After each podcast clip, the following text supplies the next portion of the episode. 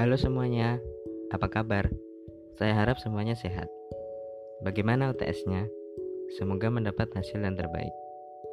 Kembali lagi dengan renungan mingguan UKMK Albertus Magnus edisi Senin 10 Maret 2021. Bacaan renungan kali ini diambil dari Yohanes 15 ayat 26 sampai Yohanes 16 ayat 4a. Buat yang ingin ikut membaca, bacaan akan diambil dari Yohanes 15 ayat 26 sampai Yohanes 16 ayat 4a. Bagi yang telah menemukan, katakan amin. Mari kita baca bersama-sama. Jikalau penghibur yang akan kuutus dari Bapa datang, yaitu roh kebenaran yang keluar dari Bapa, ia akan bersaksi tentang aku.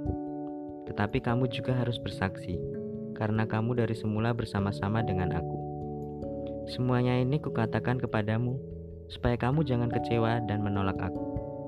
Kamu akan dikucilkan, bahkan akan datang saatnya bahwa setiap orang yang membunuh kamu akan menyangka bahwa ia berbuat bakti bagi Allah. Mereka akan berbuat demikian karena mereka tidak mengenal baik Bapa maupun aku. Tetapi semuanya ini kukatakan kepadamu, supaya apabila datang saatnya, kamu ingat bahwa aku telah mengatakannya kepadamu. Demikianlah Injil Tuhan. Baiklah, mari kita hening sejenak untuk menenangkan Injil yang baru kita baca tadi.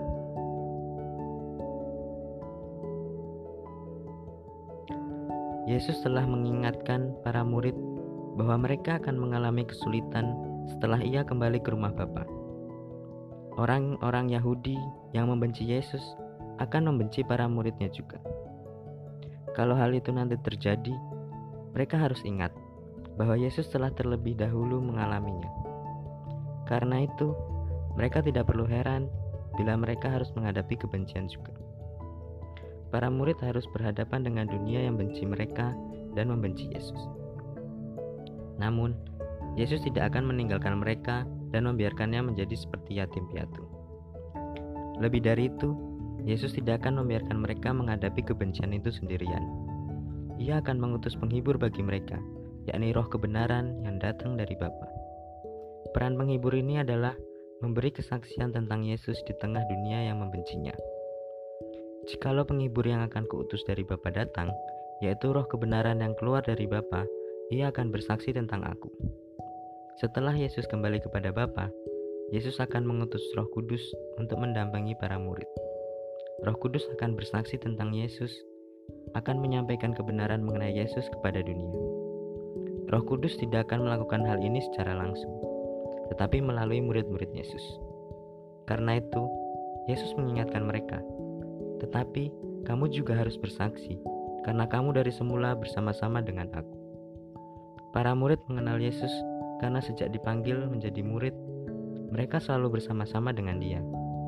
Mereka mendengar semua yang dikatakan Yesus dan mendengar semua yang diajarkannya. Para murid pun telah mengalami kehidupan bersama Yesus, sehingga mereka mengetahui siapa sebenarnya Dia dan apa yang dikendakinya.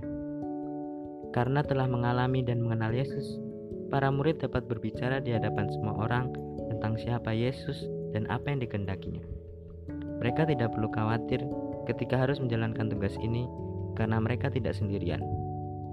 Roh Kudus menyertai mereka dan turut memberi kesaksian bersama mereka. Roh Kudus, penghibur yang dijanjikan Yesus, tidak hanya diberikan kepada murid-muridnya di masa lalu, tapi juga kepada semua orang yang percaya kepadanya. Roh Kudus telah dicurahkan kepada kita yang telah mengikuti Yesus. Ia membimbing kita untuk menjalani kehidupan menurut kehendak Yesus, termasuk membimbing kita untuk memberi kesaksian tentang Dia melalui kata dan perbuatan. Karena itu, kita perlu memberi tempat kepada Roh Kudus di dalam diri kita untuk membimbing kita. Dengan demikian, kita dapat hidup sesuai dengan kehendak Allah dan menjadi sahabat Yesus. Terima kasih untuk yang setia mendengarkan. Sampai jumpa di renungan mingguan selanjutnya. Siap.